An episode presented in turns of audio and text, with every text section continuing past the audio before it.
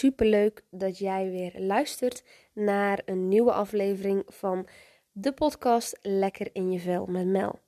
Vandaag heb ik voor het eerst een gastspreekster in mijn podcast. En dat vond ik echt super gaaf, want dit is eigenlijk tot stand gekomen naar aanleiding van de aflevering Hoe krijg ik meer energie? Ik zou willen zeggen, heb heel veel luisterplezier. Want deze gastspreekster is Kim Rietvink. Zij is spiritueel business coach en zij is sinds één jaar ook moeder.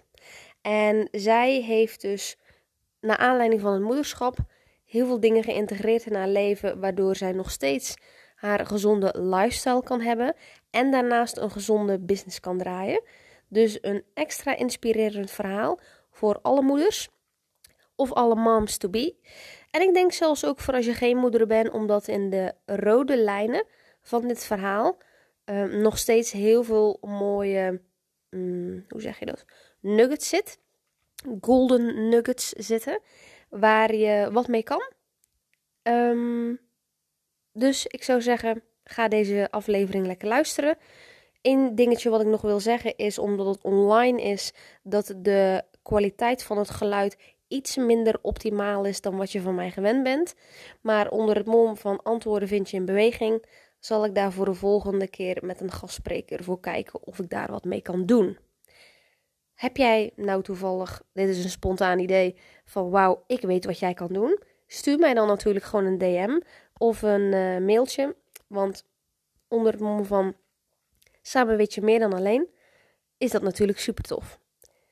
Genoeg gepraat van mij. Geniet van de volgende aflevering van Kim en van mij samen. En ja, enjoy. Yes, super leuk dat jij er bent, Kim, bij deze aflevering voor de podcast van Lekker in je veld met Mel. Naar aanleiding eigenlijk van de aflevering Hoe krijg ik meer energie? En de keuzes die daarin gemaakt werd. Ik had daar een hoop moeders die in de DM kwamen en die ook zeiden, met, eigenlijk met vragen kwamen van... hey, hoe doe je dat dan als je kinderen hebt, als je continu aanwezig moet zijn? En um, die reacties had ik gedeeld in mijn stories. Daarin kwam een leuk gesprek uit met, uh, met Kim. En heb ik dus ook met Kim uh, afgesproken van... hey, zullen we hier een podcast over maken? Omdat zij dus ervaringsdeskundige is in zowel het moederschap... ervaringsdeskundige is in het hebben van een business... En ook de afgelopen jaren heel goed voor zichzelf gezorgd heeft in haar lifestyle. En daarom dacht ik, ik denk dat dit een hele interessante podcast kan worden. En Kim die is bij me aangeschoven. En ik denk, misschien is het leuk dat, uh, dat je je even kort voorstelt, zodat iedereen uh, die luistert weet wie jij bent en wat je doet. Ja, heel goed. Nou, dankjewel. Super fijn dat ik, uh, dat ik er mag zijn, te gast in jouw podcast.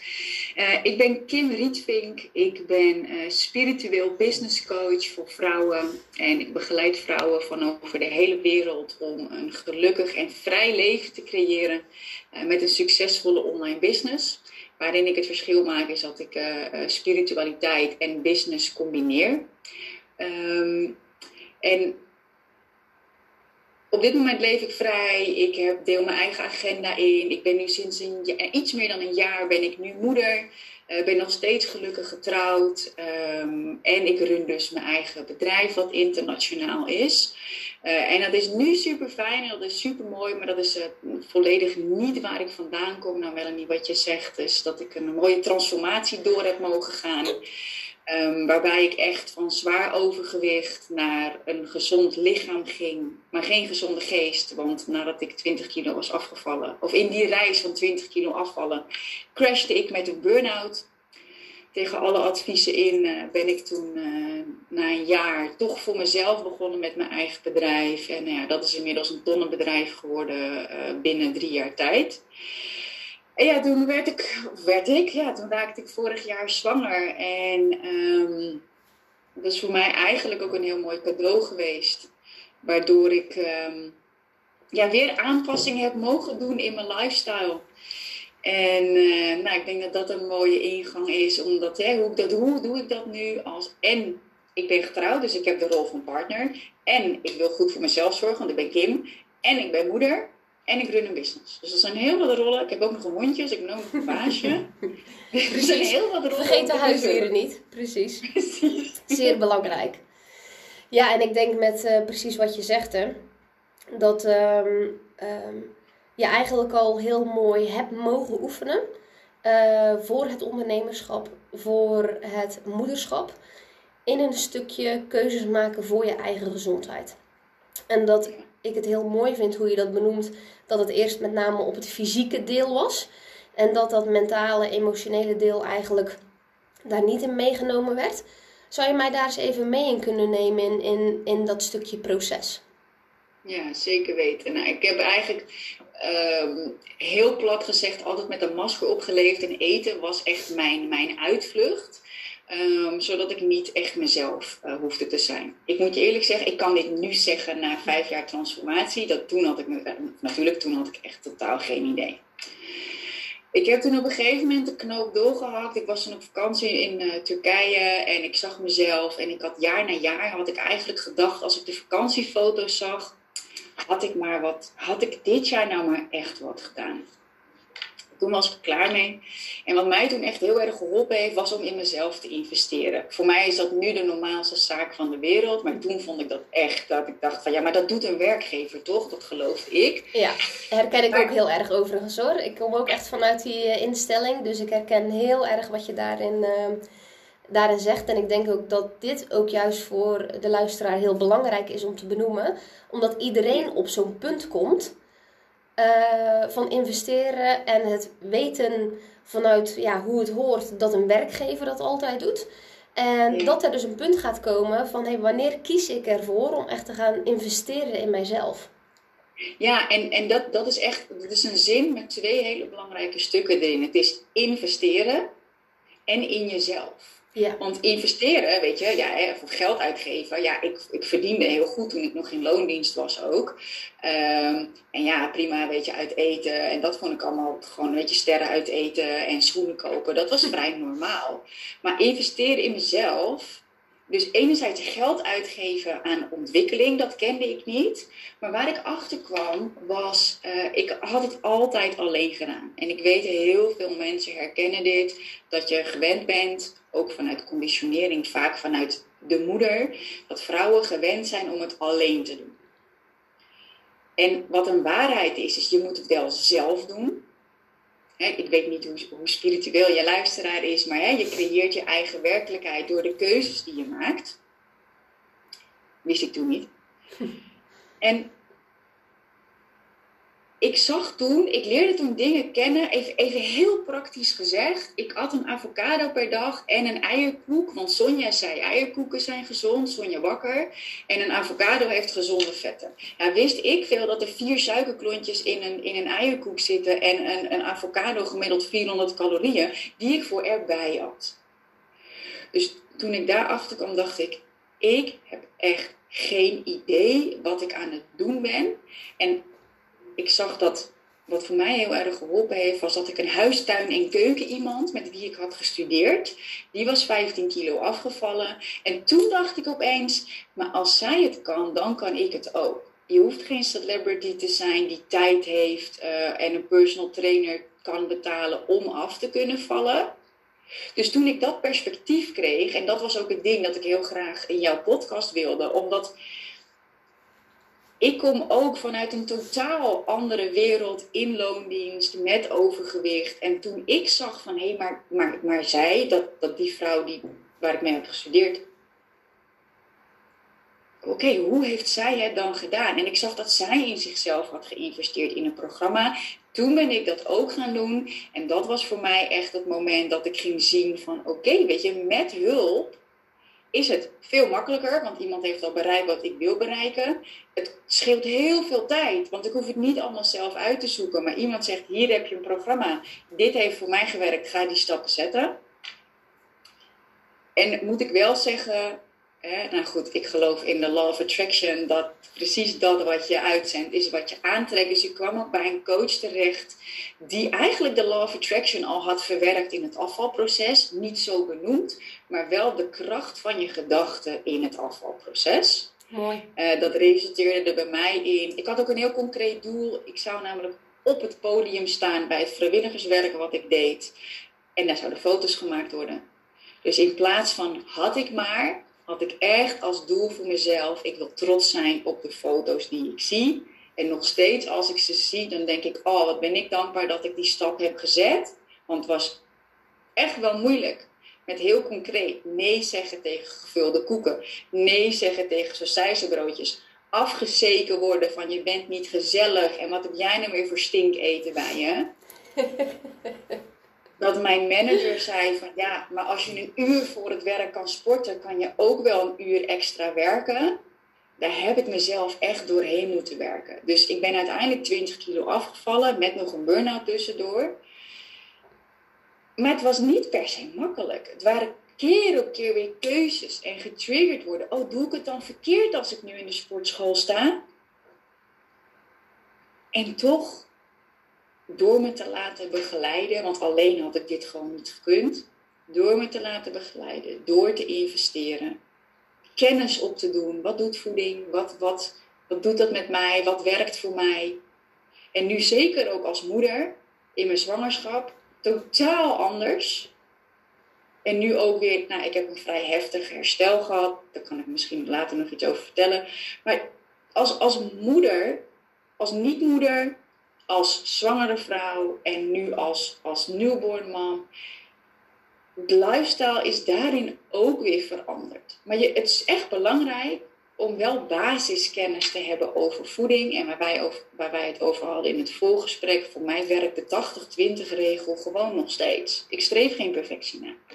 Nee, precies. En wat ik ook heel helder uit jouw uh, verhaal hoor, zeker in dat eerste proces waarin het, als we het hebben over fysieke gezondheid, dat een heel helder doel met een zeer scherpe focus jou ervoor heeft gezorgd dat je op basis van fysieke gezondheid de doelen had behaald die je zo graag wilde? Ja, zeker weten. En een van mijn doelen was ook dat ik heel graag 12 kilometer mudmasters wilde doen. Ja, een paar jaar daarvoor ben ik mijn hondje kwijtgeraakt. Nou, ik heb een chihuahua en die was toen zes maanden. En daar kon ik niet achteraan, omdat ik geen conditie had. Dat was voor mij een trigger dat ik me besefte. Maar straks is het misschien wel mijn kind waar ik niet achteraan kan rennen, die naar de weg rent. Ik moet zeggen, toen ik dat besefte, heb ik niet meteen actie ondernomen. Heeft nog twee jaar heeft dat geduurd dat ik echt, echt ging veranderen. Maar door die heldere doelen, moet ik wel zeggen, ik heb ze bijgesteld. Want tien durfde ik niet. Ik durfde niet te zeggen, ik ga in zes maanden 10 kilo afvallen. Ik heb toen gezegd, ik wil in, in zes maanden wil ik 5 kilo afvallen. Maar die was ik al binnen drie maanden kwijt. Toen dacht ik, oké, dan stel ik mijn doel bij. Dan ga ik voor zeven. Maar het ging zo goed, dat werd twaalf.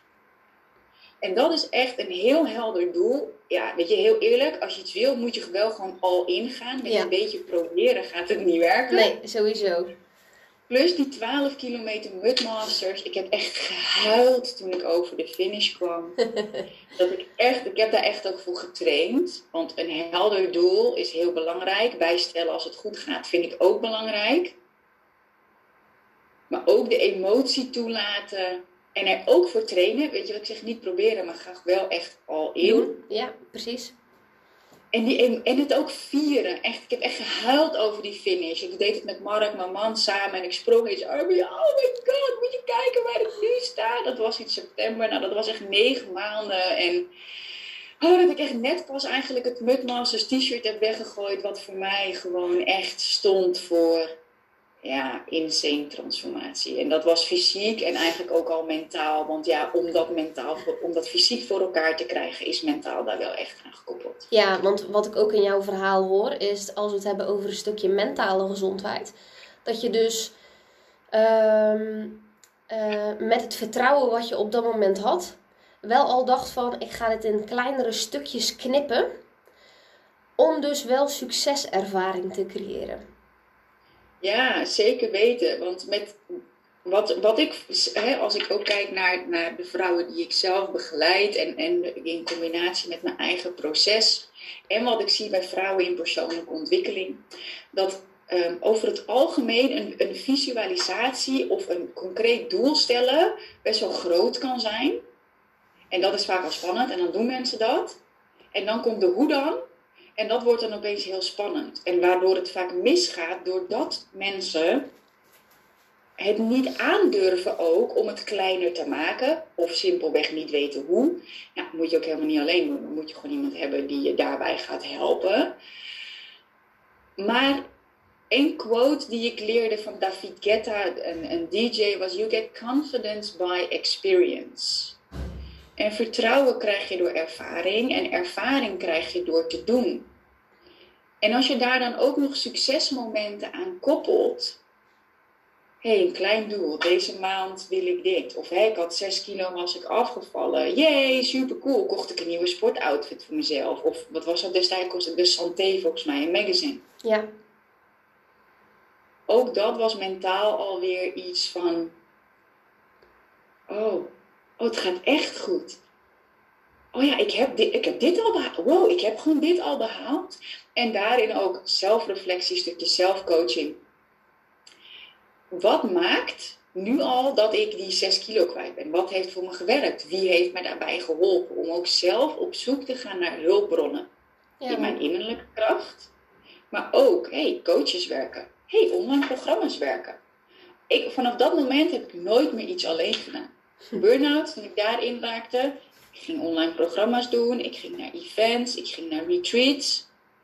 Ik dacht, ik doe het niet meer alleen. Dat is, echt, dat is echt een van mijn grootste lessen geweest om weer fit en energiek te zijn. Ook na mijn bevalling, zeker na mijn bevalling. Ja, ja, want daar zit natuurlijk ook een valkuil in. Hè? Dat op het moment dat je dan uh, al een paar keer uh, hulp hebt gehad. En je bent natuurlijk vanuit jouw eigen werk uh, dat je ook een, een hulpverlener bent in de ruimste zin van het woord. Natuurlijk in business. Maar we weten allebei dat business 80% van de business draait om het inner work. En 20% eigenlijk maar over een stukje strategie. Dus omdat je zelf daar ook een hulpverlener bent dat je dan ook eigenlijk wel eens in dat ja, syndroom kan komen van, oh ja, weet je, eerst uh, eerst een ander helpen en dan mezelf. Dus eigenlijk extra mooi om te horen dat met de ervaring die je had opgedaan, met de kennis die je had opgedaan, dat je wel in die drie fases, omdat we het nu hebben zeg maar over uh, eerste fase voor uh, zwangerschap, zwangerschap en dan na de zwangerschap, dat je dat dus in al die fases wel steeds structureel terug bent gaan doen. Ja, zeker weten. Want ik, hè, in, in, mijn zwangerschap was het belangrijkste voor mij vertragen. Weet je, ik kan heel goed, heel hard werken. En ik weet zeker dat heel veel mensen dit herkennen. Dat is hè, hoe we eigenlijk geconditioneerd zijn. Je moet vooral hard werken voor geld. Um, ja, en, en met een zwangerschap merkte ik gewoon, ja oké, maar it's not about me, weet je. Het gaat niet alleen meer om mij. Tuurlijk, ik draag het kind, maar er zit ook een kind in mij. En ook daar heb ik, nou ja, goed, ik heb daar 12.000 euro voor geïnvesteerd om destijds een coachtraject te volgen. Wat echt ging om, een, om het stuk vrij zijn. Want hè, je kan werken waar je wil en de energie hebben die je wil. Maar uiteindelijk gaat het ook nog om, om het gevoel van vrij zijn. Dat je echt loskomt van de drang ook om, om hard te willen werken. Of het nou in de gym is, of dat het nou voor geld is. En dat is echt wat ik, wat ik in dat half jaar heb gemerkt. Een van de affirmaties die ik daar, die ik ook gebruikte, was: The less I work, the more I earn. Nou goed, ik heb ook systemen voor mijn werken. Hè. Dat is wel ook het aardse stuk wat je daarin moet doen. sorry, wat ik daarin heb gedaan. Ja, zeker. Maar ja, ik vond me zwanger. Kijk, ik ging vier keer in de week naar de gym.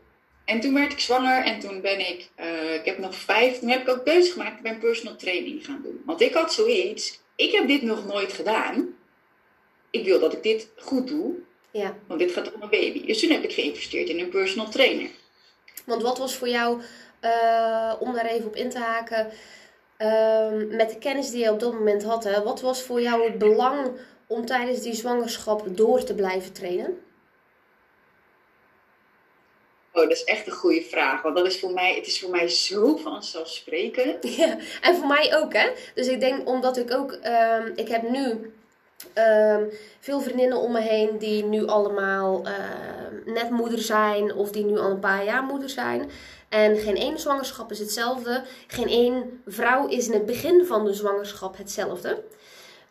Maar wat niet wegneemt dat, dat als je opeens zwanger bent, dat het niet betekent dat je dan niet meer hoeft te sporten, dat je niet meer gezond hoeft te eten, want hè, dik word je toch wel, dus dan kan ik die extra donut wel, ehm, eh, wel eten. En ik dacht, ja, dat is misschien wel interessant om jou in dat moment, wat jouw besluitvorming was van, hé, hey, ik wil dit doorpakken. Ja. Hey, echt serieus, there is no other option voor mij. Waarom? Uh, ik, ik zie heel veel coaches uh, werken met het levenswiel. Ik werk zelf met een piramide voor een leven in overvloed. En, en dat is echt, ik zie de, de basis, de fundering van een ultiem vrij leven, zie ik fysiek. Je kan je carrière aanpassen, je kan spiritueel groeien, je kan je relaties aanpassen. Maar als er scheuren in de piramide zitten op fysiek niveau, staat de rest ook wankel. Dus hè, ik runde mijn bedrijf, wat, wat heel snel succesvol was. Ik had snel een team, dus daar droeg ik ook een bepaalde verantwoordelijkheid. Uh, ik draag ons gezin financieel, toen, ook toen ik zwanger was en nu nog steeds. En ik droeg een baby. Dus ik, ik wist, alles wat daarboven zit aan mentaal, relatie, uh, financiën, steunt op mijn fysieke gezondheid. En hè, ja, tijdens een zwangerschap heb je hormonen. Ik heb één keer tegen Mark gezegd, ik moet nu speculaas hebben en je moet nu naar de winkel. En ik heb één keer gehad dat ik zei, ik weet niet waarom, maar ik wil nu knakworsten van Unox met mayo en ketchup. En die heb ik in een bak gegooid en die heb ik gegeten. Maar dat is wel ook weer die 80-20. Dat ik denk van, ja, dat, dat hoort er ook bij. Maar in, als de basis goed is, weet je, uh, ontbijt hebben wij een 1, 2, 3'tje, zoals ik dat noem. Waarom? Ik wil ook niet te veel energie kwijt zijn. Wat wil ik nu weer eten? Het is of pap en met fruit, banaan of uh, appel, of een banaan-eipannenkoek of chia pudding. Nou, chia pudding vergeet ik vaak de avond van tevoren te maken, dus meestal zijn het een van die andere twee.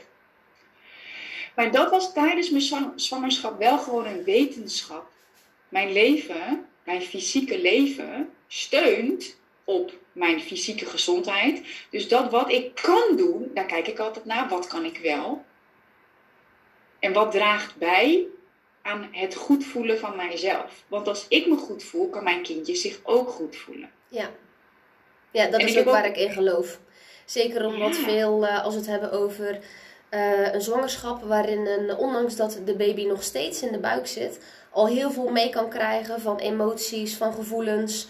Um, en dat het ook juist in die periode in de zwangerschap heel belangrijk is om te werken aan een, uh, niet alleen een fysieke goede gezondheid, maar ook een mentale en emotionele goede gezondheid. Ja, en, en ook weer in dat proces. Nou, ik heb dus tot vijf maanden zwangerschap heb ik, uh, getraind met een personal trainer. Um, toen, maar toen voelde ik, het levert me niet meer de energie op, het kost me energie. Ik zag er mentaal tegenop. Nou goed, ik denk dat iedereen wel herkent dat je mogelijk een keertje opziet tegen een training. Maar dit, dit merkte ik echt een paar keer achter elkaar. Toen dacht ik, hé, hey, hier klopt iets niet. Mijn lichaam gaat andere dingen aangeven.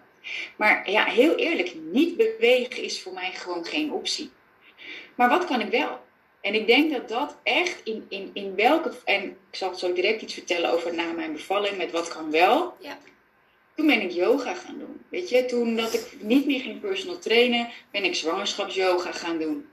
Ja, vanuit mijn vier dagen fitness en... Uh, Lekker doorrammen uh, met gewichten. ja, en, en fearless motivation ook met een go on and push through the limit. Dacht ik bij een yoga klasje echt wel eens. Ja, serieus? Ga ik nu mijn arm omhoog doen. Jongens, kom op. Maar, Ademen. ja, en, en, maar tegelijkertijd wist, wist ik gewoon, wat kan ik wel? En heel eerlijk, bevallen is best een ding.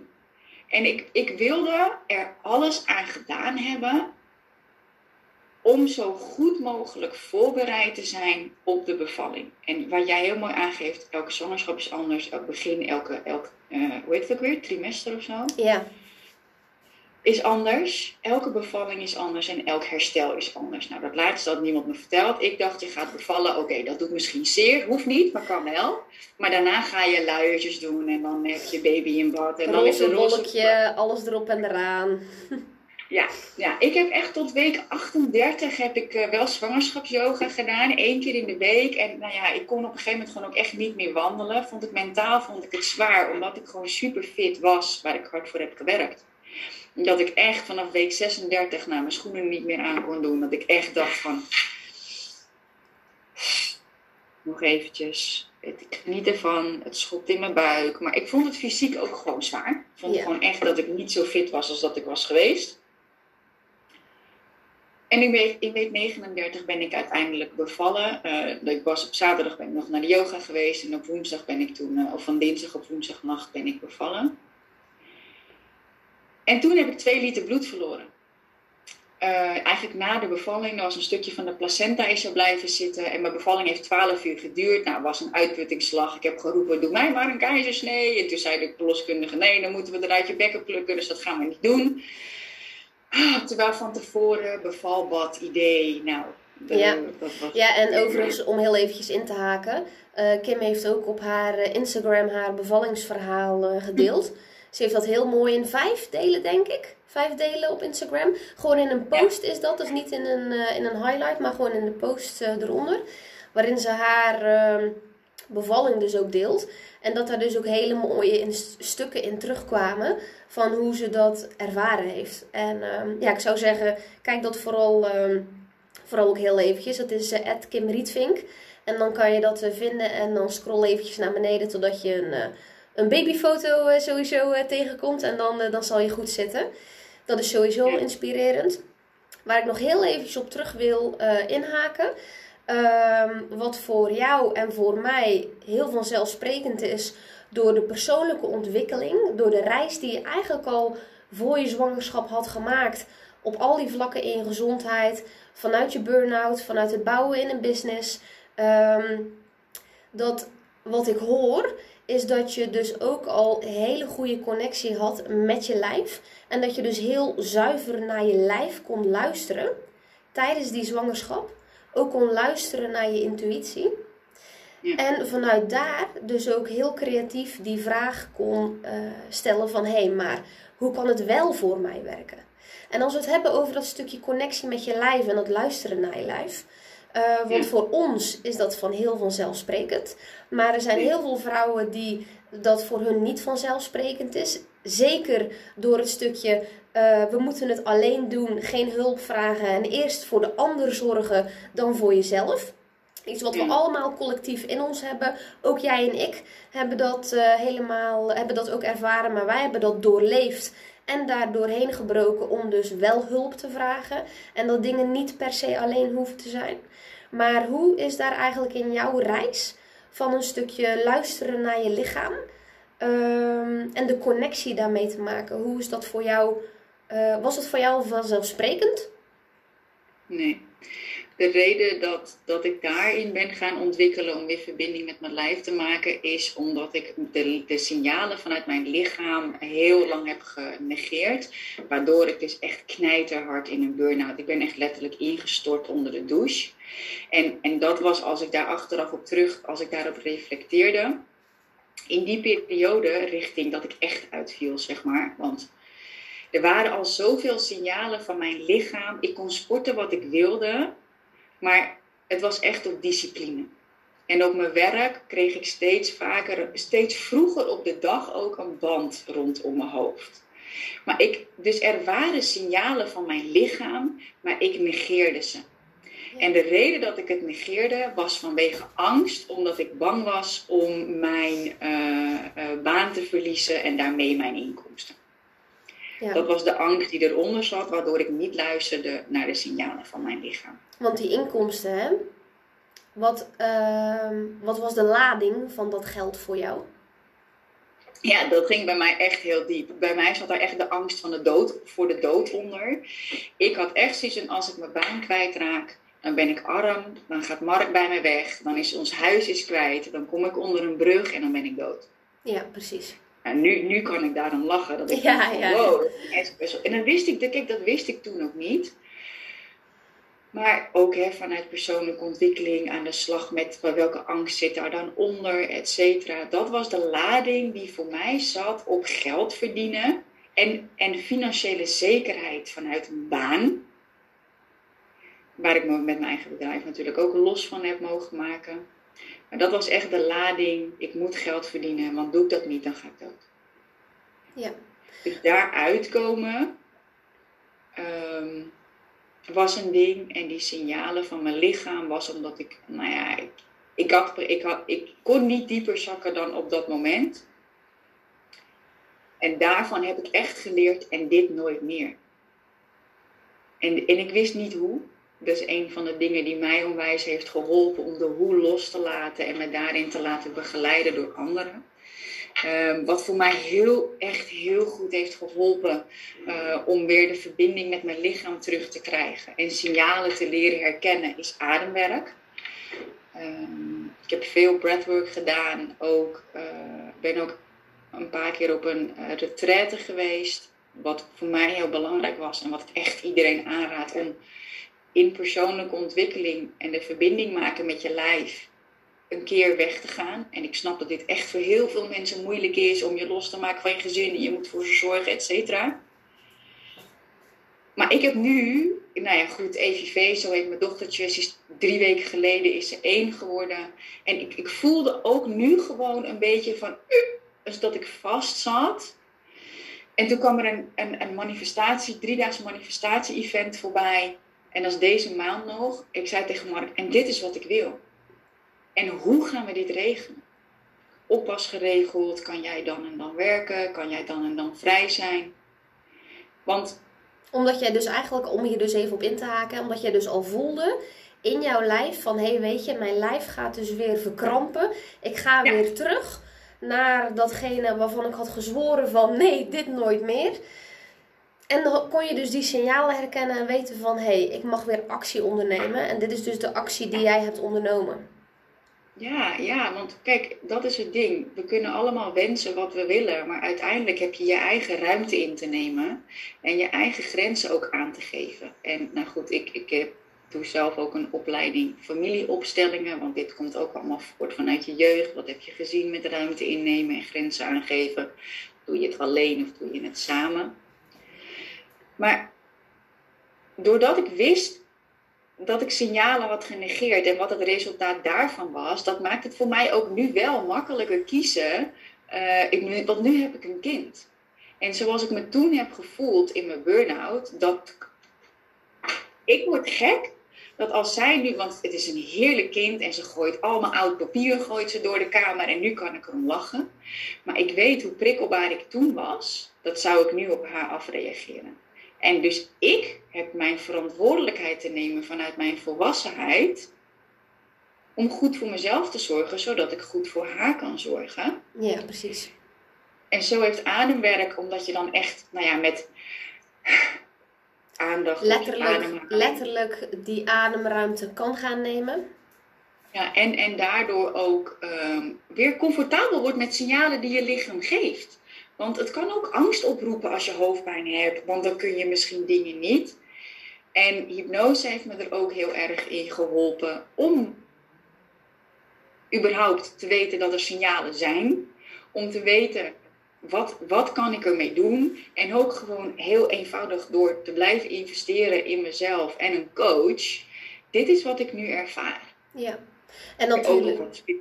En natuurlijk ook een stukje van hey, antwoorden vinden in bewegingen. Wat werkt voor jou? Wat werkt voor jou als Kim?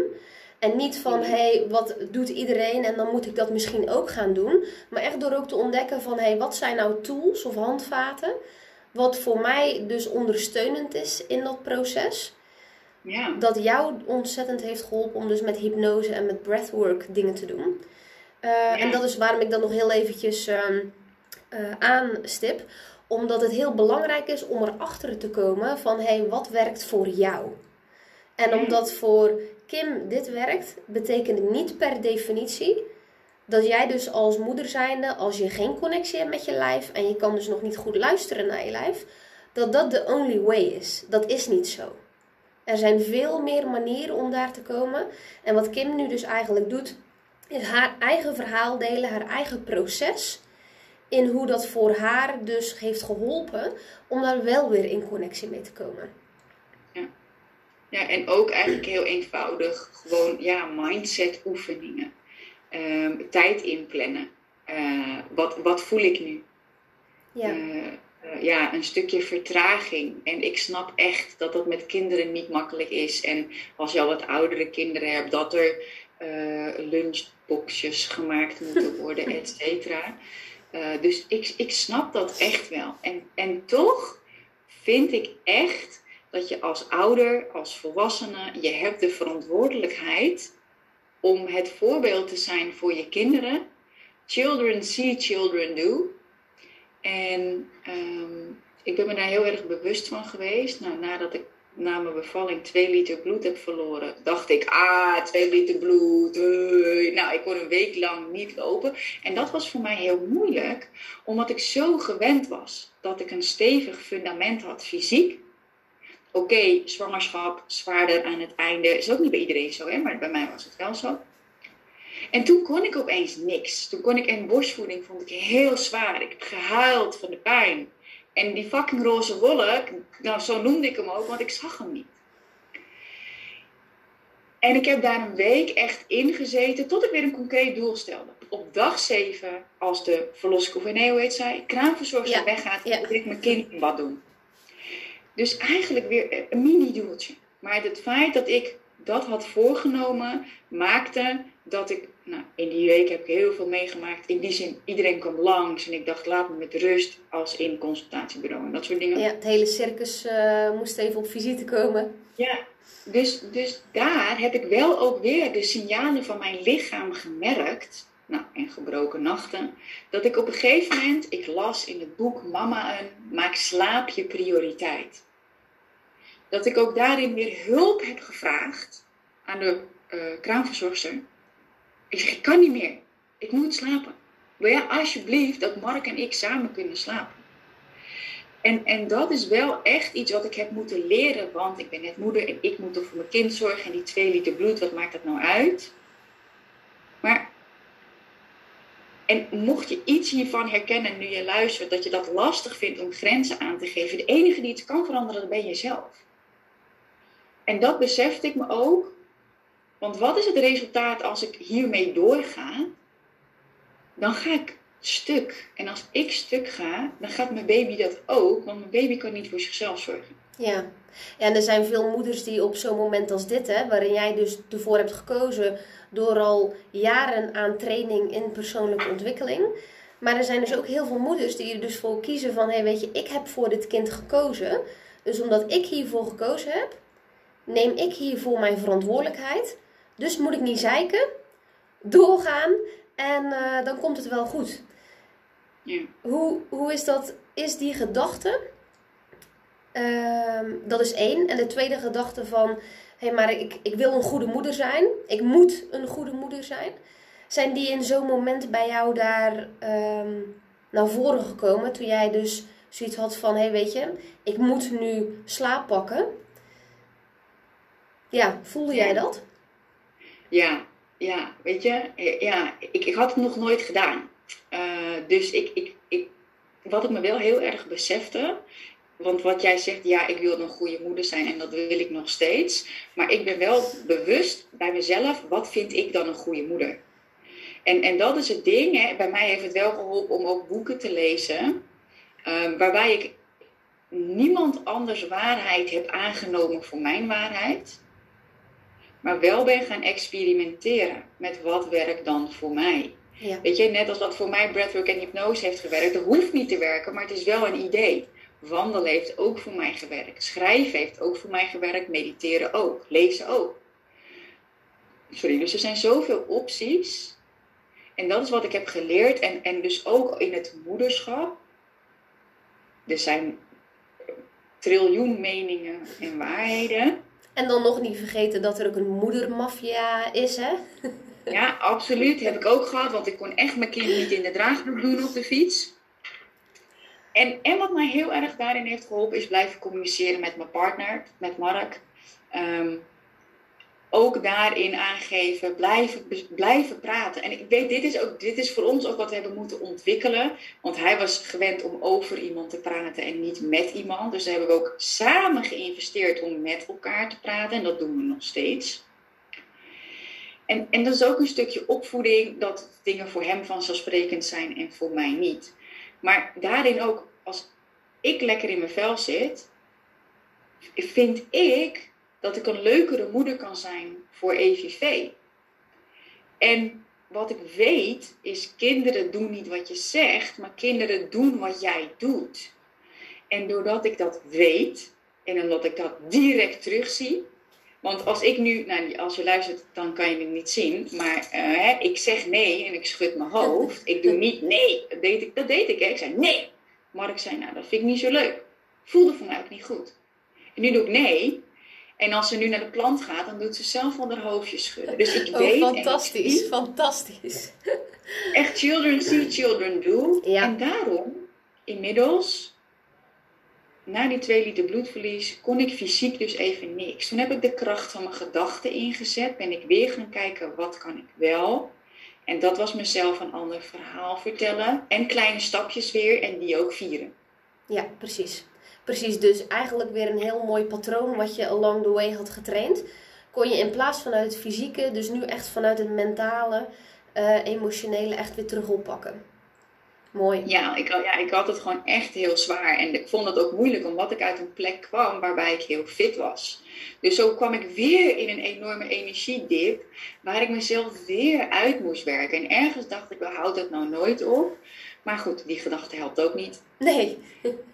ben ik heel rustig aan begonnen met mama baby yoga. Na vier weken of zo. Nou ja, goed, dat is qua beweging. En was eigenlijk daar naartoe gaan en weer naar huis gaan en wat oefeningen doen.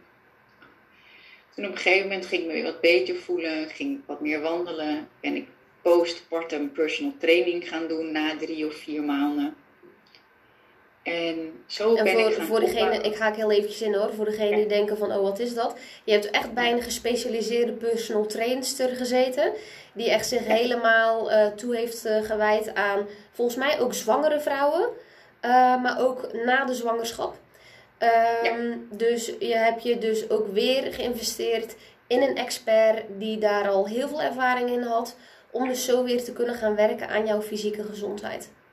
Ja, ja, want ik vond het daarin ook gewoon belangrijk. Kijk, een bevalling is voor je een zwangerschap en een bevalling is belastend voor je lichaam. Uh, maar je hebt zelf wel weer invloed op je herstel. En mijn herstel was heftig. Maar ik wist wel, wat kan ik wel? En ik wist nou ja, toevallig de haakjes kwam zij op mijn pad. En ja, dan is het weer de keuze. Ga ik het alleen doen of investeer ik hè, geld in iemand die mij daarbij gaat helpen? Ja, en ook kleine stapjes weer vieren. Dat ik, ik weet, ik moest een step-up oefening doen. Mijn been op een paaltje. En ik kon dat echt niet. Ik moest haar op haar duwen om haar te steunen. Tot een keer dat ik het alleen kon doen. Tot een keer dat ik het met gewicht kon doen. En dat was ook weer vieren, dat ik gewoon, ik deed gewoon juichen. Dat ik zei, yes, ik kan het nu zelf. Niet alleen, maar wel zelf. Volgens mij kon ik me dat moment ook nog wel herinneren. Want volgens mij had je dat toen ook gedeeld op Instagram. En uh, ik weet dat nog wel goed, dat ik echt dacht van, oh weet je, wauw, dit is echt, uh, dit is echt heel mooi dat je ook dit deelt. Uh, ja. Omdat er heel veel resultaten worden gedeeld, maar heel vaak de processen vergeten worden. En dat dit dus echt heel mooi is hoe je dat toen hebt laten zien en ook nu weer benoemd. Over hoe belangrijk het is om in dat proces naar het resultaat toe altijd te vieren. En je doet het zelf. Ja, ja. En, en weet je, nu kan ik, ik crossfit nu dan twee keer in de week. Um, en ik vind dat best wel lastig, want ik, ben, ik, ben, ik was de nieuwste en ik wil altijd de beste zijn. En als nieuwste ben je niet per se de beste. Um, dus enerzijds is dat voor mij mentaal mezelf ook weer toestaan om de beginner te zijn. En dat denk ik is heel belangrijk als je deze podcast luistert. Uh, dat je je niet laat intimideren door een verhaal, maar laat inspireren. En dat je echt ook kijkt naar, um, oké, als ik nu aan mijn lifestyle ga beginnen, hey, dan ben ik een beginner en ik mag oefenen. Zoals ik mijn dochter laat oefenen met traplopen en tegen haar zeg van blijven oefenen blijven doen, dan wordt het vanzelf makkelijker. Datzelfde is met gezond eten. Datzelfde is met verbinding maken met je lijf. Ai, ik mis ook nog wel eens signalen dat ik denk. Ik denk, ah, ik, ik denk ook dat dat heel menselijk is. En uh, dat uh, je niet 100% daarin, dat als je daar die getraindheid hebt, dat je dat dan direct 100% kan tackelen. En ook daarin altijd die 80-20 balans in uh, dat je wel voor de grote lijnen waakt. Als je op een gegeven moment weer merkt van hé, hey, ik ben mezelf weer voor de gek aan het houden. Ik ben mezelf weer iets aan het voorschotelen, wat niet bijdraagt aan hetgene wat ik zo graag wil. Ja, ja, of wat, er ook, wat ik ook nog wel zie gebeuren bij mezelf, maar ook bij anderen, is dat je toch weer een plaatje hebt gecreëerd waaraan je zou moeten voldoen. Ja. En dat dan proberen na te streven, terwijl dat niet in lijn is met wat, wat jij, hè, wat, wie jij werkelijk bent, slash wat jij eigenlijk wil. En, en dat is ook, hè, ehm, maar ik ga dan nu twee keer in de week ga ik naar CrossFit. Ja. Maar mijn man doet dat ook en die doet nog jiu-jitsu daarnaast. Maar wat zo belangrijk is om lekker in je vel te zitten, is ook gewoon concrete afspraken te maken binnen je gezin. En wij doen het nu zo, Mark sport van 9 tot 10. Dan neem ik onze dochter mee naar de gym. Ik vind dat belangrijk, want dan ziet zij sportende mensen, wetende, children see, children do. Is ook gewoon heel brain technisch, omdat we spiegelneuronen in ons brein hebben. En dan is zij in de gym. En dan ga ik sporten. En dan neemt hij haar mee naar huis. En dan ga ik ook naar huis. En dat zijn ook wel bewuste keuzes die we gemaakt hebben. Um, zodat we allebei kunnen blijven sporten. Plus, en door het op... plus dat je gelijk je kind al meeneemt in de training. Van hé, hey, weet je, hoe, uh, wat is nu belangrijk? Omdat een kind nu eenmaal alles opneemt. Van een vader en een moeder tot acht jaar, geloof ik hè? Ja, tussen je nulde en je zevende levensjaar word je voornamelijk geconditioneerd en dat zet nog door. Dus dan neem je dat wat je van je ouders ziet, wordt ook jouw waarheid. En van je zevende tot je 21ste levensjaar is het wat minder. Maar je wordt nog steeds beïnvloed door uh, vriendjes, vriendinnetjes en leraren. Ja. En ja, ik denk echt oprecht, die wetenschap is heel confronterend. Ja.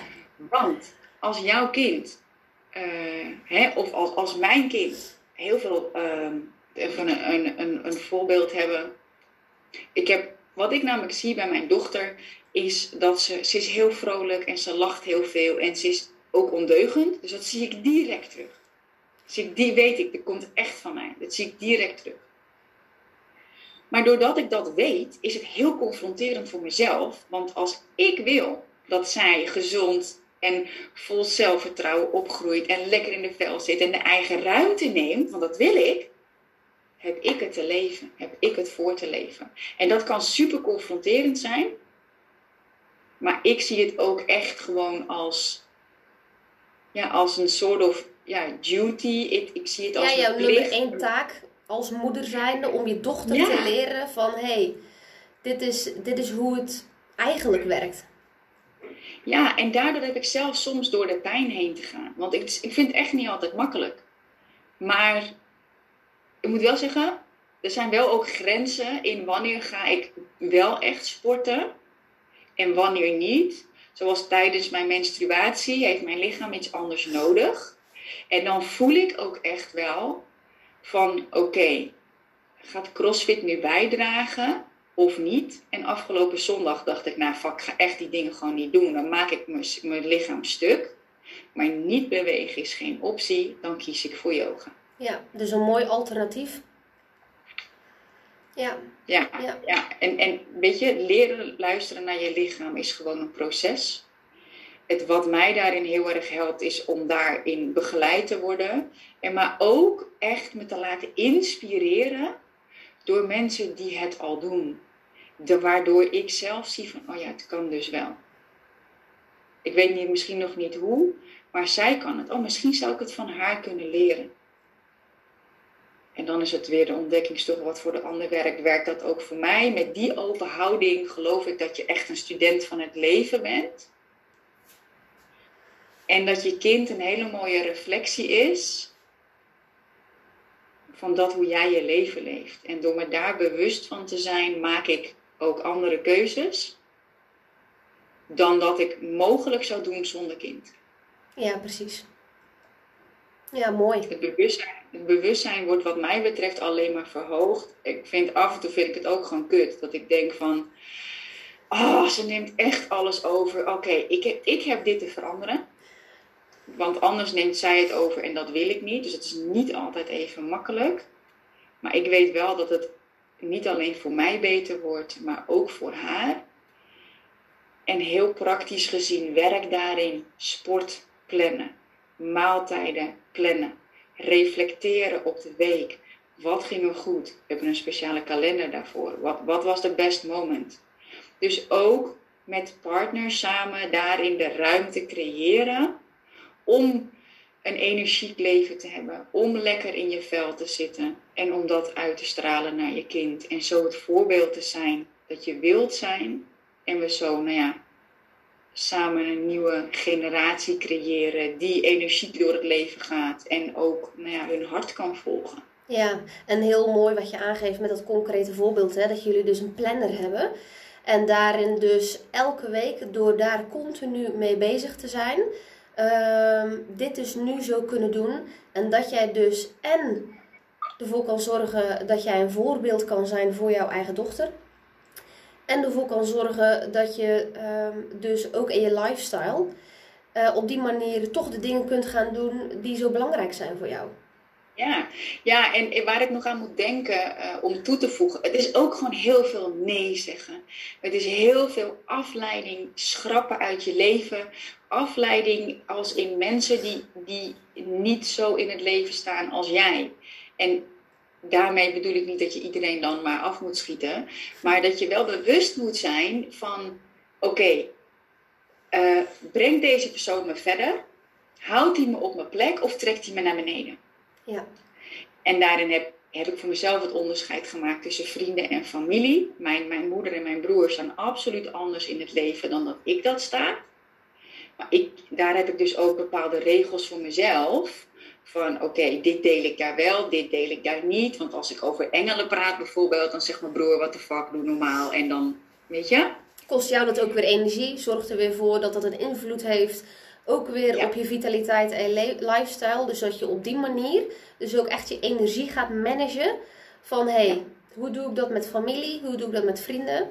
En ik hoor hierin, in dit, jouw verhaal, ook een heel helder, uh, net zoals toen bij je eerste fysieke reis, een hele heldere focus, hele heldere prioriteiten. Ja. Om te kunnen doen wat jij zo graag zou willen doen. Ja, Precies. En heel eerlijk, Netflix is not on the list. Social media staat er niet op. Zit ik nooit op social media? Jawel, ook zeker af en toe nog wel te vaak. Maar ik heb wel regels. Voor 9 uur is mijn telefoon niet aan. Ik heb ook, mijn telefoon is ook niet mijn wekker. Zeg veel mensen, ja, mijn telefoon is mijn wekker. Fuck, bol.com, koop voor 10 euro een wekker. Precies. Half tien, dan check ik nog even mijn trades. Hè, passief inkomen wat ik daarvan heb. Maar dan gaat alles uit om 10 uur, als ik wil traden, gaat het nog eventjes aan. Doe ik een speciale bril op, dat het licht filtert. Maar ik heb, ik heb gewoon ook regels daarin. Van voor 9 uur, tussen, nou ja, EVV wordt meestal rond half 7 wakker. Tussen half 7 en 9 ben ik mama, daar kies ik voor. Van 9 tot half 5 of zo ben ik business Kim of mama dag ben ik mama. Daarna ben ik als ik thuis kom, dan trek ik ook echt andere kleren aan. Als ik van kantoor kom, trek ik andere kleren aan, want dan ben ik mama. Sowieso wordt alles vies, want ze smeert deel de mond aan me af. Dus dat wil ik ook niet vervelend vinden. Dus ik trek gewoon andere kleren. trek mijn mama kleren aan. En als zij naar bed is, dan ben ik of partner of ik ben Kim. En dan om half tien gaat alles uit. Dus ja, ik zit echt soms wel eens op social media, maar ook in focus, prioriteiten. En wat is afleiding? Wat kost het me als ik dat doe? En wat levert het me op? Soms is het gewoon even scrollen op social media chill. Maar het kan juist ook een trigger zijn als je moe bent. Dat de dopamine shotjes van likes en dat soort dingen helend, echt tussen hele grote aanhalingstekens kunnen zijn. Omdat het instant gratification is wat niet duurzaam is. En dat bedoel ik dus ook echt inderdaad. We hebben een planner, we zetten onze focus, we kijken ook hoe willen we ons voelen aan het einde van de week om een verbinding met het lijf te maken. Heel concreet, wie gaat wanneer sporten? Is er oppas nodig? Wat gaan we doen? Wat moet er gebeuren? Weet je, we hebben ook huishouden. Heb ik daarvoor. Maar is ook wel, vind ik ook afleiding. Dus ik heb daar ook een schoonmaakster voor me. Heel goed. Goed dat je daarin ook uh, je prioriteiten hebt gesteld. En ik denk ook dat, uh, dat het ook een hele mooie les is die vrouwen en uh, moeders ook mee mogen nemen. Als we het hebben over prioriteiten, wat je allemaal dus ja. kan in één dag. En wat je ja. wilt op één dag. en dat daar een verschil zit tussen kunnen en willen. Ja. En dat allerlei vormen van afleiding um, niet bij, als die daar niet aan bijdragen, zoals je telefoon, zoals social media. Uh, ik ben daar volledig in mee, want ik doe precies hetzelfde als jij. En huishouden en zelfs strijken heb ik ook uitbesteed. Allemaal ja. pure afleiding. Ja. Iets wat niet bijdraagt aan hetgene wat voor mij het lekker in mijn vel is. En kan laten doen wat ik zo graag wil in deze wereld. En wat mij daar heel concreet bij heeft geholpen, voor mij was het dan wat is vrijheid voor mij, maar heel mooi, wat is lekker in mijn vel? Gewoon ultiem. Ja. Ik heb daar dat letterlijk op zo'n flip over papier geschreven. Schreef ik op uh, twee keer per week een schoonmaakster. Maar financieel kon ik dat toen nog helemaal niet dragen toen ik dat opschreef. Maar toen dacht ik, oké, okay, maar wat kan ik dan wel? En dat was één keer in de twee weken een schoonmaakster. En dat denk ik ook in het kader van, van levenscreatie, een stukje law of attraction. Wat kan wel? Want ik snap echt wel dat niet iedereen in één keer, twee keer per week een schoonmaakster in kan huren. Maar al zou je beginnen met één keer in de zes weken een ramenlapper voor, weet ik veel, 15 euro of zo. Precies. Weer eerst dat kleine stapje. Ja, de tijd dat je niet hoeft te strijken, de tijd dat je niet hoeft te ramenlappen. Het scheelt je energie, want je hoeft niet iets te... Kijk, vind je het heerlijk? Doe het. Maar heel veel vrouwen vinden dat niet, die vinden dat ze dat moeten doen. En de tijd dat je anders kwijt bent daaraan en de energie kun je ook besteden aan je kinderen. En ik denk als je dat helder gaat hebben, je daardoor laat inspireren, daar actie op gaat ondernemen, dat je stap voor stap jezelf ook toestaat om het stap voor stap te doen, lekkerder in je vel gaat zitten. Ja, heel mooi. En ik denk ook wat je, wat je mooi zei ja, over uh, hoe je mezelf mooi inleidde met een stukje afleiding in de ruimste zin van het woord. Dat veel uh, moeders, omdat ze dus heel veel ballen hoog houden, ook denken dat dus Netflix of telefoon uh, juist een stukje vorm van ontspanning is. In dat hectische leven wat ze dan hebben. Ja wij zijn er beide over eens. Nou, voor ons, uh, met de kennis die we hebben, met de kunnen die we hebben, de ervaring die we hebben, is Netflix en social media dat totaal niet. Wat is voor jou, als we het dan hebben over wel een stukje diepe ontspanning, wat is dan voor jou, uh, wat zijn voor jou dan dingen die jou wel helpen om die diepe ontspanning te creëren in de hectiek van de dag? Ja, um, wat ik zelf heel fijn vind is met de lunch bijvoorbeeld even een rondje gaan lopen. Um, en ik heb het soms ook gewoon heel druk. Ik werk drie dagen in de week op kantoor. Eh, maar we hebben hier een soort uh, ja, oprijlaantje eigenlijk. En al loop ik maar heen en weer, ben ik toch uit mijn kantoor geweest, ben ik toch buiten geweest. In bad gaan of douchen helpt mij ook echt heel erg.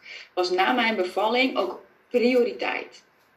Om goed, om in, lekker in mijn vel te zitten, zo ver mogelijk zo, zo, zoveel mogelijk binnen de omstandigheden die er waren, was, had ik afgesproken, mijn prioriteit is minimaal douchen op een dag.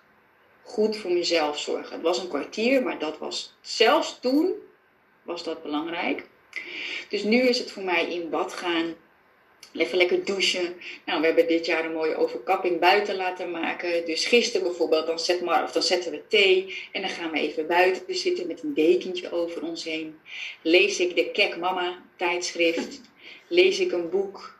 Um, gaan we wandelen. Uh, of nee, ik zeg we, maar als even in bed ligt dan niet.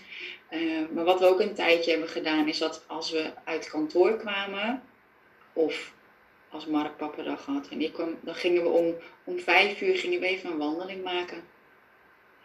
Het zit bij mij best wel veel in beweging. En ik zou willen zeggen mediteren, maar ik merk dat dat voor mij uh, nog training, dat het voor mij training blijft om echt ontspanning te vinden in meditatie. Ja, en ik heb soms gewoon geen zin in. Dan ga ik gewoon liever in bad. Ja, plus helder natuurlijk, hè, dat als jij weet dat voor jou uh, het fysiek het fysieke component heel erg sterk voor die diepe ontspanning kan zorgen. Ja, een never change a winning team zou ik zeggen. Eh, en als het dus wandelen is, als het dus buiten zijn is en als het dus in bad liggen is, ja, dan is dat een hele mooie vorm van fysieke ontspanning, die dus ook doorwerkt naar een mentale, emotionele ontspanning. Ja, ja en wat, wat heel erg helpt, ons ritueel is als we gegeten hebben, onze regel is eten moet leuk zijn. Dus uh, uh, als EVV echt tegen gaat stribbelen, dan gaat ze draaien en dan gaat ze er ook uit en is het ook gewoon klaar. Dan mag zij spelen. En als wij dan klaar zijn met eten ook, dan, dan hebben we een moment totdat ze echt moe is, dat we echt als gezin even samen spelen. Ja. Weet je, ze is één, dus hè, dat is dingen in de mond stoppen.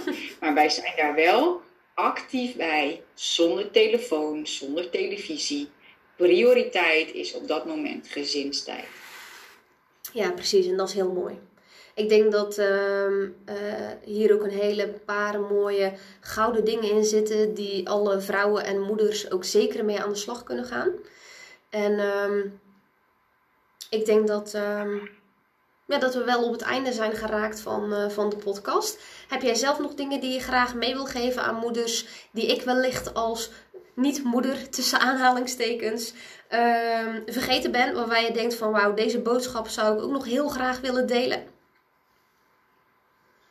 Ik denk echt oprecht dat alles in, uh, in deze podcast zit. En volgens mij, waar jij ook staat, alles is een keuze. Of je nou moeder bent of niet, alles is een keuze. En welke omstandigheden er ook zijn, als, als mens, als, als, als vrouw, maak je de keuze ongeacht welke rol je vervult. Ja, als je geen kinderen hebt, heb je niet dat gevoel van verantwoordelijkheid voor een, een kind. Heb je niet de praktische dingen met, oh ik moet oppas regelen, ik kan niet zomaar even met z'n tweeën nu naar de gym gaan. Maar dan nog, alles is een keuze. En vraag hulp. Als moeder heb je over het algemeen gewoon meer hulp te vragen. Amen. Amen. ja, dat is, dat is denk ik echt wat, uh, wat de kern is van dit verhaal. Ja. En wat voor jou en voor mij, um, doordat je bent gestart met een business, doordat je vanuit een fysieke pijn al zoveel triggers gehad hebt, dat je weet van ik ben er al mee begonnen voordat ik überhaupt zwanger werd en, uh, en het moederschap inging. Um, maar het is natuurlijk niet van iedereen vanzelfsprekend, omdat iedereen natuurlijk daar een ander proces heeft en een andere reis. En ik denk dat het heel mooi is hoe we dat nu besproken hebben van een stukje voor de zwangerschap, uh, waar jouw pijnen lagen, hoe jij in beweging bent gekomen. En ook uh, tijdens de zwangerschap, hoe jij dat allemaal uh, hebt gedaan. En ook vooral daarna. Um, waardoor als moeders dit voor het eerst horen, hier echt nu de inspiratie uit kunnen gaan halen en ook kunnen gaan oefenen. En ook de hulp kunnen gaan vragen van hey, hoe kan ik ervoor gaan zorgen dat dit voor mij gaat werken? En dat mijn gezondheid, mijn lifestyle prioriteit gaat worden. Omdat het en beter is voor mezelf, maar ook zeer zeker dat je een voorbeeld wilt zijn voor je kinderen omdat je at the end ze het allerbeste gunt van de hele wereld. Alleen kinderen reageren nu eenmaal inderdaad niet op woorden, maar op daden. Zoals je dat ook al heel mooi uitlegde. En uh, ik denk dat dat ook een hele belangrijke boodschap is om mee te geven als, aan alle moeders. Dat dus dat niet zeggen, maar doen voor kinderen zoveel belangrijker is om ze dus mee te nemen in die reis, om zo daar ook al uit te kunnen leren. Ja, ja en één ding wat je zegt uh, over het voorbeeld. Je bent hoe dan ook het voorbeeld, want je kind wil jouw goedkeuring. Je bent het voorbeeld. Zorg dat je het voorbeeld bent dat je wil zijn. Ja. Ja. Mooi. Dankjewel. Ja, ik zat, er was één ding waar ik nog aan zat te denken, wat voor mij eigenlijk alweer heel vanzelfsprekend is. Maar hè, in, het hele stuk van lekker, in het hele stuk van lekker in je vel zitten, spelen financiën over het algemeen gewoon ook heel erg mee. Ehm, en als je in loondienst bent, ben je over het algemeen gewend dat op een bepaald moment uh, uh, salaris gestort wordt. En voor ondernemers en ondernemende moeders kan dat wel ook nog weer een ding zijn uh, in met zwangerschap. Maar ook met volle agenda's. En dan als een kindje ziek is, ja, maar er moeten wel inkomsten binnenkomen.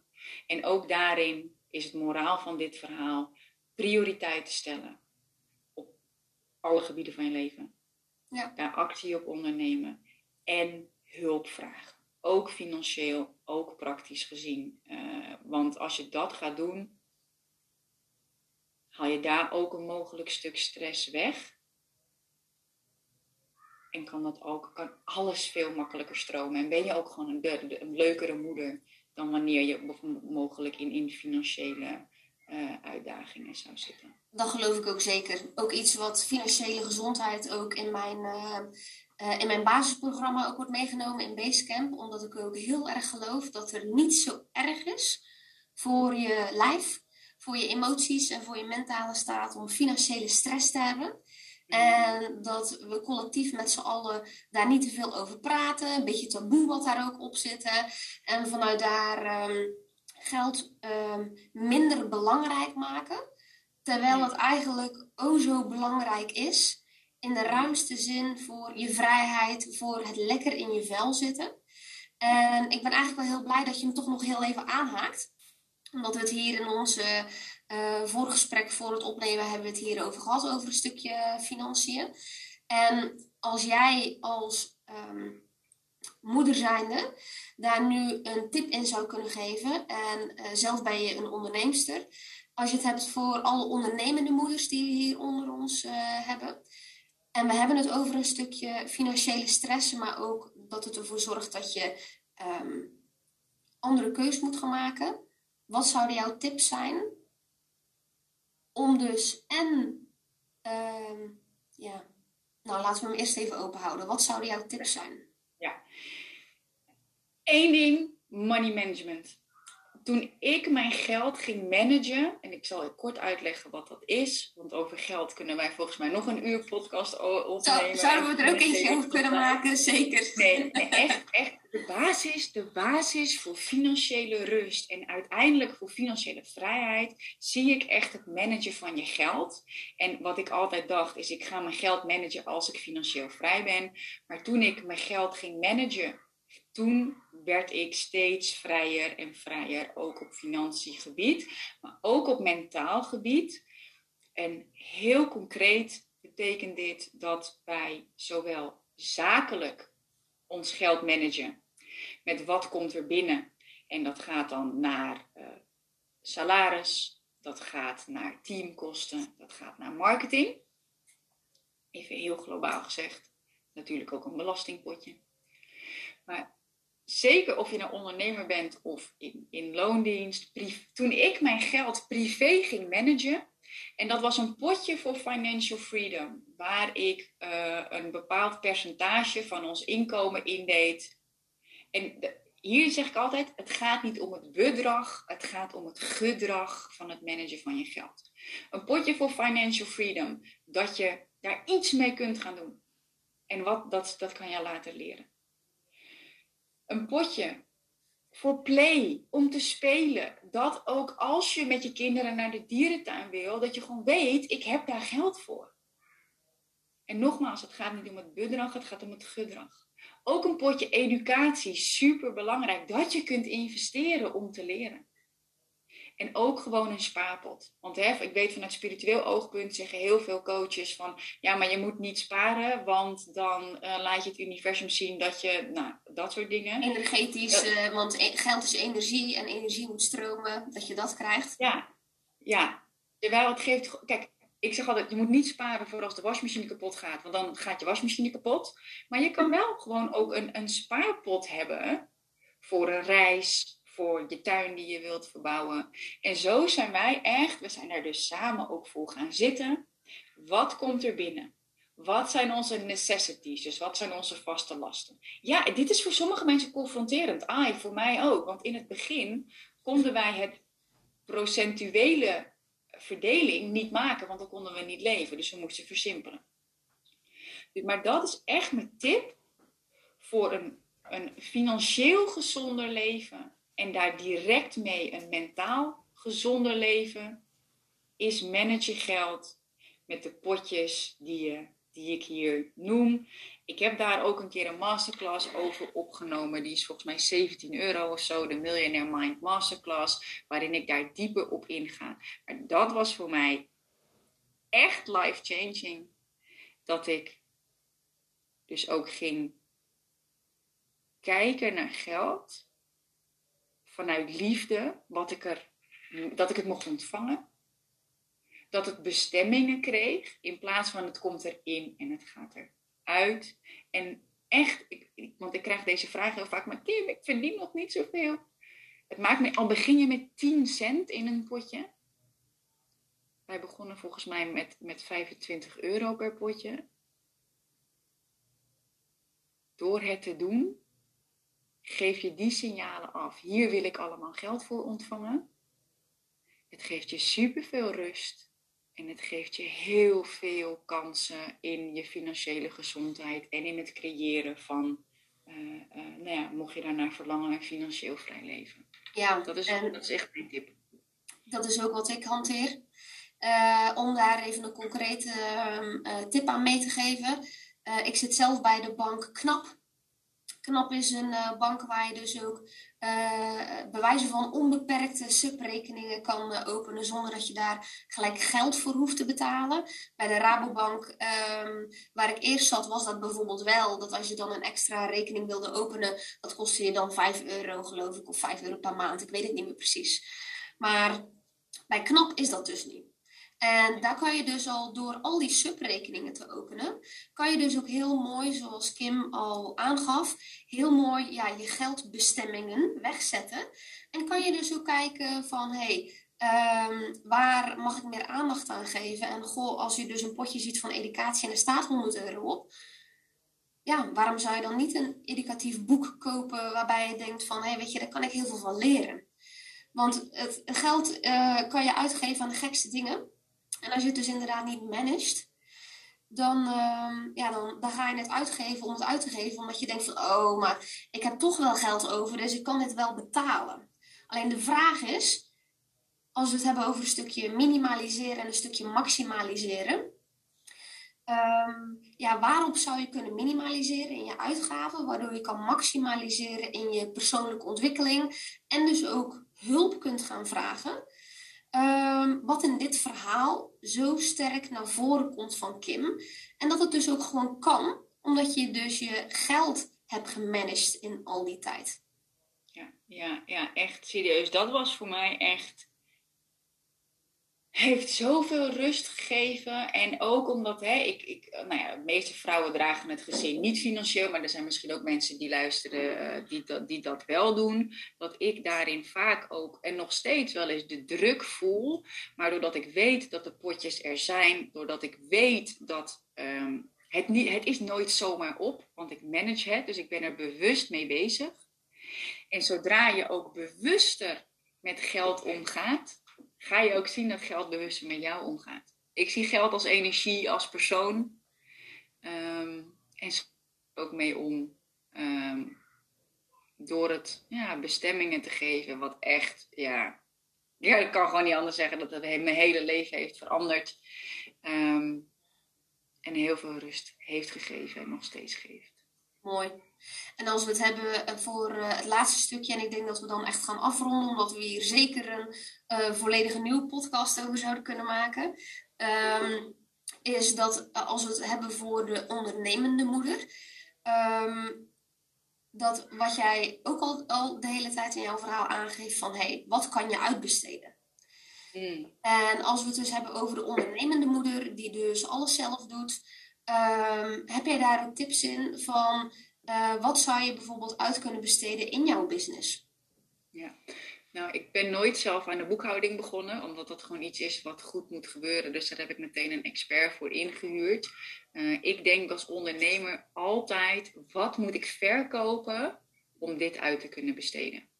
Weet je, of wat moet ik verkopen om deze investering te kunnen doen? Bijvoorbeeld weer een nieuw retreat, 1800 euro. Wat moet ik verkopen om deze investering te kunnen doen? Boekhouding heb ik dus meteen uitbesteed. Ehm, ik heb heel snel een VA genomen. Ik, ik, was net één jaar ondernemer, maar misschien herken jij dat ook wel. Ehm, maar eh, aan het, aan het, einde van elk kwartaal, of aan het begin van een nieuw kwartaal, kwam iedereen met: Oh, ik heb iets bij je gekocht, maar ik mis de factuur. Ja, en dat kostte mij energie. Dat en mijn voordeel was eigenlijk dat ik mijn bedrijf heb opgebouwd na mijn burn-out. Dus ik had niet zo heel veel energie. Dus de dingen die ik deed, moesten me of energie geven of mijn energielevel neutraal laten. Maar als het me energie kostte, wilde ik het uitbesteden. Anders kon ik niet doen wat ik het allerliefste deed in coaching. Dus ik heb heel snel een VA aangenomen die mijn klantcontact ging doen en die mijn agenda ging beheren. En inmiddels heb ik ook een, een technisch VA, omdat ik een online business heb. En zij beheert mijn website en doet dingen met online kanalen. En ik heb iemand die nu mijn advertenties doet. En ik ben zelf nog mijn sales team aan het opleiden. Um, waar ik in mijn business naar heb gekeken, omdat hè, energie is voor mij de basis. Zodra ik merk, ik werk op basis van mijn remove the friction principe. Als het me één keer energie kost, oké, ik kan een bui hebben, prima. Maar de tweede keer dat ik denk van, nou, dit vind ik toch wel echt heel vervelend, of vind ik irritant, of whatever, dan ben ik er alert op of dan besteed ik het al uit, maar soms dan ben ik eigenwijs. En dan, maar de derde keer dat het me echt energie kost of dat ik er gefrustreerd door raak, dan weet ik, dit moet ik uitbesteden. En als ondernemer weet je dat niet op dag één, maar gaandeweg ga je dat ontdekken. En gaandeweg ga je jezelf ook steeds meer, steeds meer toestaan om uit te besteden. En je gaat ook steeds meer ontdekken, ehm, wat kost me energie in deze fase van mijn leven? Ik weet namelijk nu, ik kan een uur besteden aan mijn website, wat me energie kost. Ik kan er ook iemand voor inhuren voor 50 euro per uur of zo. En dan kan ik een uur bij mijn kind zijn. En dat maakt eigenlijk voor mij het moederschap, maakt het het nog makkelijker om dingen uit te besteden. Want elke minuut dat ik niet bij mijn kind ben, vind ik eigenlijk zonde. Klinkt wel heel kort door de bocht, maar ik, daar krijg ik energie van. Nee, de kern dus is heel helder, hè? Ja, ja, ik zou het zonde vinden om dan te gaan frutten aan een website. Terwijl ik uh, uh, ja, in de keuken kan spelen en uh, papier uit, met papier kan spelen, weet je. En dat is dus qua uitbesteden is ook weer een journey. Bewustzijn, hè, weer contact met je lijf. Wat geeft me energie? Training geven vind ik super vet. Hot seat coaching vind ik super vet. Maar ja, weet je, websites, webinars klaarzetten. Nee, niet. Oké, irriteert me één keer, maar, maar, maar. Twee keer, hmm, derde keer uitbesteden. En dan is het ook altijd nog een zoektocht naar de juiste persoon. Ehm, ja, en dat is natuurlijk de hele reis van het ondernemerschap. Maar echt in combinatie met energie is het gewoon belangrijk dat je daarin ook je prioriteiten stelt binnen je business. Wat geeft me energie? Wat kost me energie? Moet het echt gebeuren? Ja, dan besteed je het uit of je automatiseert het. Mooi. Dankjewel.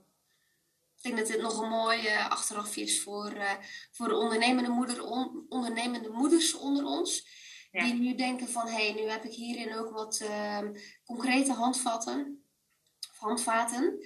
En dat uiteindelijk, zeker ook bij een eigen business, um, uiteindelijk bepaal je zelf hoe die eruit komt te zien. Want het vel is blanco.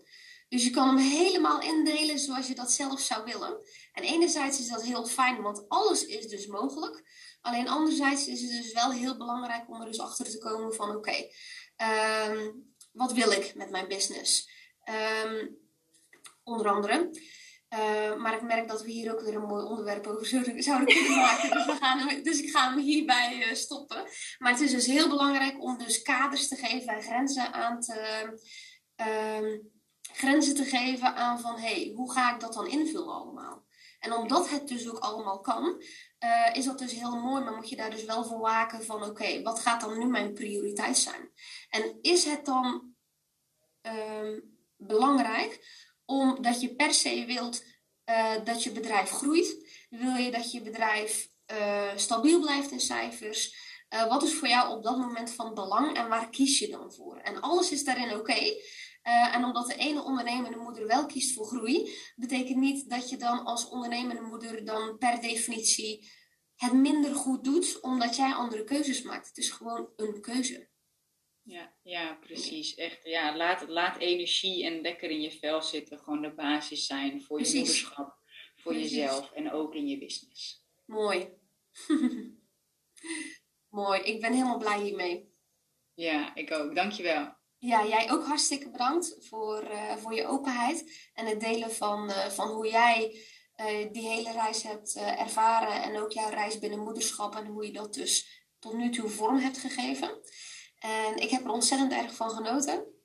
Ik uh, kan ook niet anders verwachten dat uh, alle uh, moeders en ondernemende moeders die dit, dat zij dit ook een toffe podcast vonden.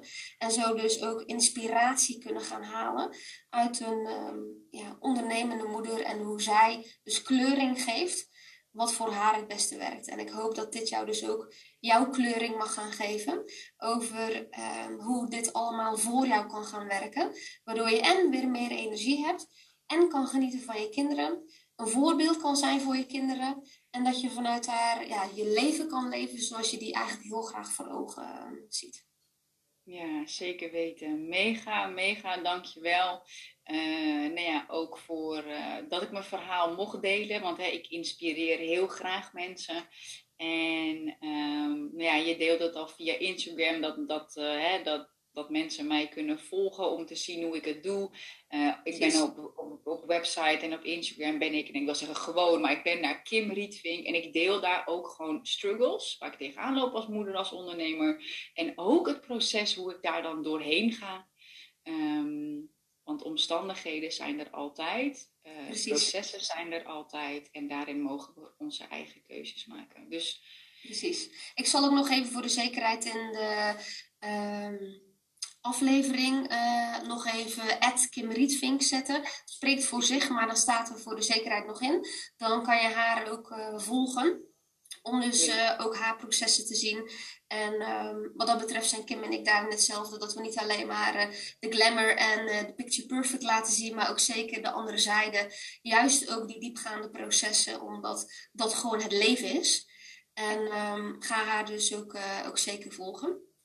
Ja, en, ja, jij ook bedankt. Leuk, echt, ja, echt heel leuk. Ik heb genoten.